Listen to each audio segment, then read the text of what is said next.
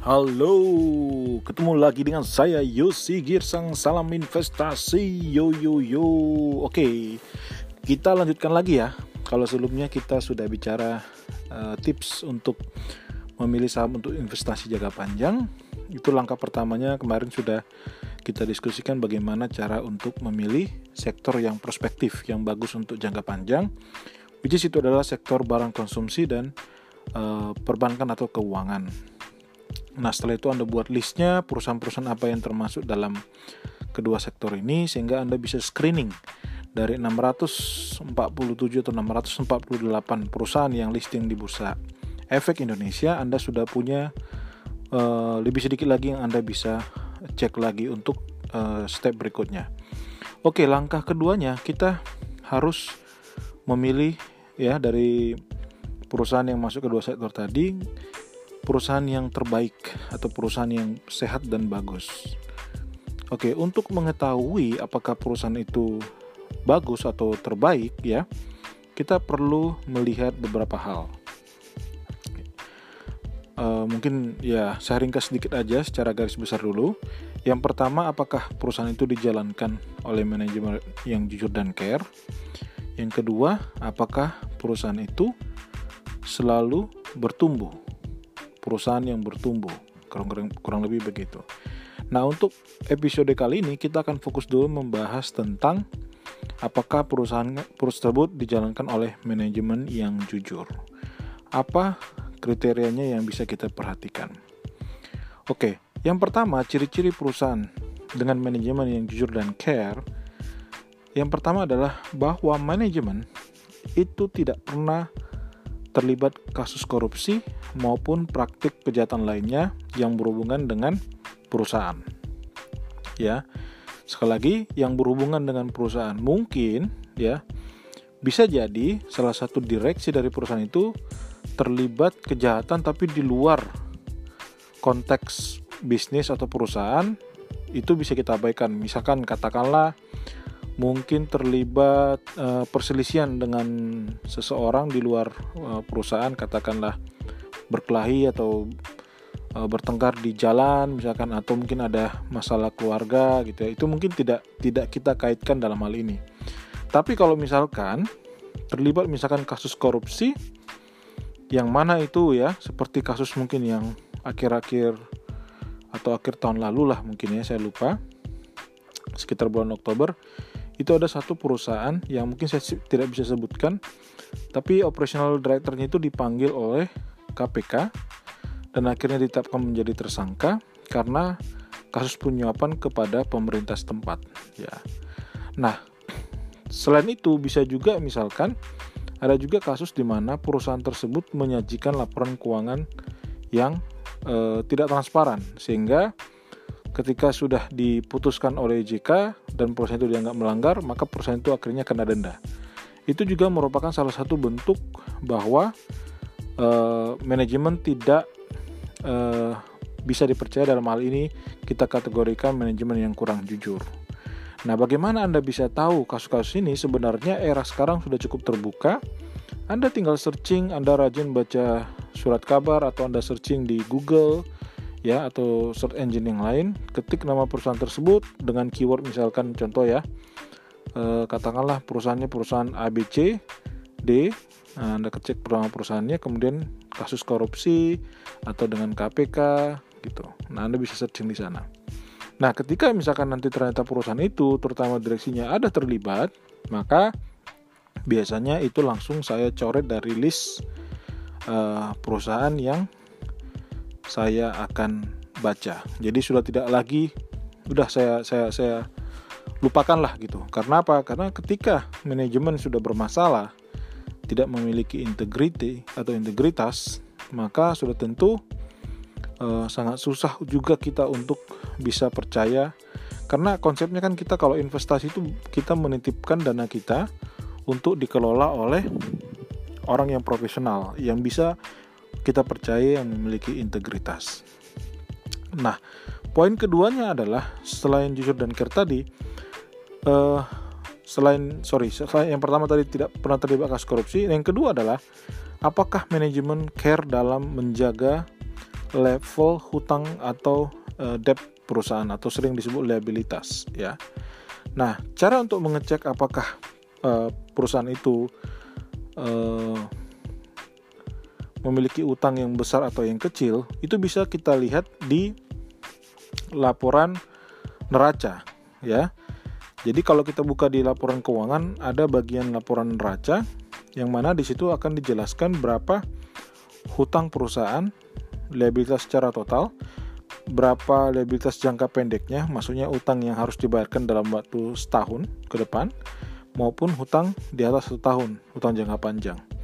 Yang mana uh, untuk perusahaan yang sehat itu ada sebaiknya hutangnya itu lebih kecil dari ekuitas.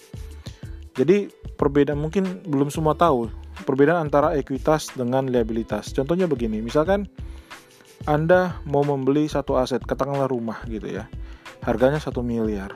Nah kemungkinan e, karena Anda tidak punya hanya karena Anda hanya punya modal bersih ya, di rekening Anda katakan 400 juta, maka Anda meminjam dari bank sebesar 600 juta sehingga pas 1 miliar untuk membeli rumah tersebut.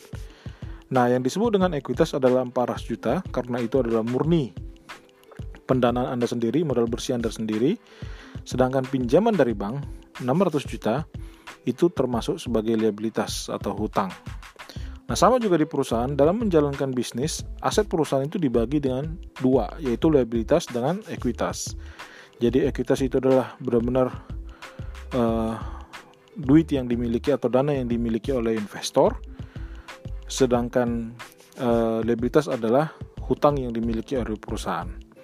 Kalau sampai liabilitas atau hutang dari perusahaan ini sangat besar, yang menjadi masalah adalah seperti kita ketahui kalau kita lihat di laporan laba rugi dari perusahaan, semakin besar hutang dari perusahaan tentu ada beban bunga yang harus dibayarkan ketika jatuh tempo.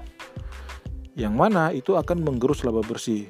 Jadi kalau formula untuk memperoleh laba bersih tentu dari pendapatan bersih ya dari revenue perusahaan itu dikurangi dengan cost of revenue atau sering disebut juga dengan cost of uh, goods sold, beban pokok pendapatan gitu ya atau HPP.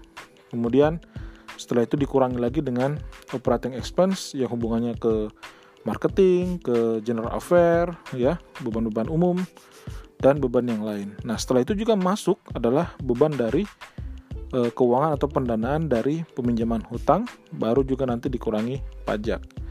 Nah, semakin besar hutangnya tentu ada beban e, yang harus ditanggung oleh perusahaan dalam pembayaran utang-utang tersebut. Itulah kenapa e, saya sih menyarankan untuk aman level amannya kita bisa menghitung rasio antara debt to equity e, perusahaan dengan melihat debt atau utang dari perusahaan secara keseluruhan di laporan neraca dibandingkan dengan ekuitasnya itu sebaiknya lebih kecil dari 0,5 itu nilai aman nilai aman. Cuman kadang-kadang dari 0,5 sampai 1 ya itu masih dalam uh, fase yang toleran. Tapi ketika sudah lebih dari satu artinya liabilitas ataupun debt itu sudah lebih tinggi dari uh, hutang dari perusahaan eh dari ekuitas dari perusahaan maka di sini harus ada warning itu dia. Tapi khusus untuk uh, perbankan uh, kriteria ini tidak dilihat karena apa? Karena memang bisnis dari perbankan itu adalah menggunakan dana pihak ketiga untuk diberikan pinjaman kepada eh, orang-orang yang mengambil kredit. Jadi untuk khusus untuk uh, kriteria ini tidak dilihat untuk saham-saham perbankan ya atau saham-saham keuangan. Oke, itu dia tadi. Nah, sekarang yang ketiga adalah manajemen yang care tadi adalah saya biasanya juga melihat bagaimana manajemen menjaga level kompensasi dan gaji dari direksi dan karyawan, terutama direksi biasanya. Nah, biasanya itu saya lihat di laporan uh, arus kas aktivitas operasi berapa sih dalam setahun uh, remunerasi yang diberikan kepada direksi dan karyawan kalau angkanya saya bandingkan dengan penerimaan cash yang diterima dari uh, benar-benar bisnis perusahaan dari pelanggan ya itu juga bisa kita lihat di aktivitas operasi kalau angkanya lebih dari 10% itu biasanya saya mulai warning hati-hati saya pernah melihat ada perusahaan yang memang dari sisi kinerja jelek itu justru malah remunerasi ke direksi dan kawannya tinggi sekali. Bahkan pernah saya temukan tuh lebih dari 25% gitu. Dan biasanya ada kehubungan yang baik juga bahwa pembayaran gaji dan kompensasi direksi dan karyawan itu untuk perusahaan-perusahaan yang saya lihat kinerja sehat itu hanya di level 4 sampai 6%. Kecil gitu. Uh, bukan saya bilang bahwa uh, manajemen harus menekan tidak, tapi ini menunjukkan bahwa uh, manajemen bisa memanage uh, jumlah orang yang bekerja dengan efisien di dalam perusahaan tersebut. Bahkan ya, saya pernah lihat ada satu laporan keuangan yang termasuk pada e, karya, ya jadi e, apa namanya? karyawannya cukup besar, hitungan puluhan ribu, tapi masih bisa di manage di level 4% dibandingkan dengan e, arus kas yang masuk dari penerimaan penjualan dari perusahaan. Nah, kurang lebih itu tiga hal yang saya lihat apakah manajemen care dan jujur. Yang pertama adalah saya ulangi lagi, tidak pernah terlibat korupsi maupun praktik kejahatan lainnya yang berhubungan dengan perusahaan.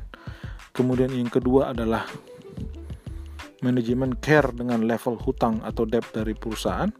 Dan yang ketiga, apakah uh, manajemen juga care menjaga level kompensasi dan gaji direksi dan karyawannya. Itu dulu, kita akan lanjutkan ke uh, pembahasan tentang bagaimana melihat perusahaan yang bertumbuh di episode berikutnya. Sampai ketemu. Salam dari saya, salam investasi Yosi Girsang.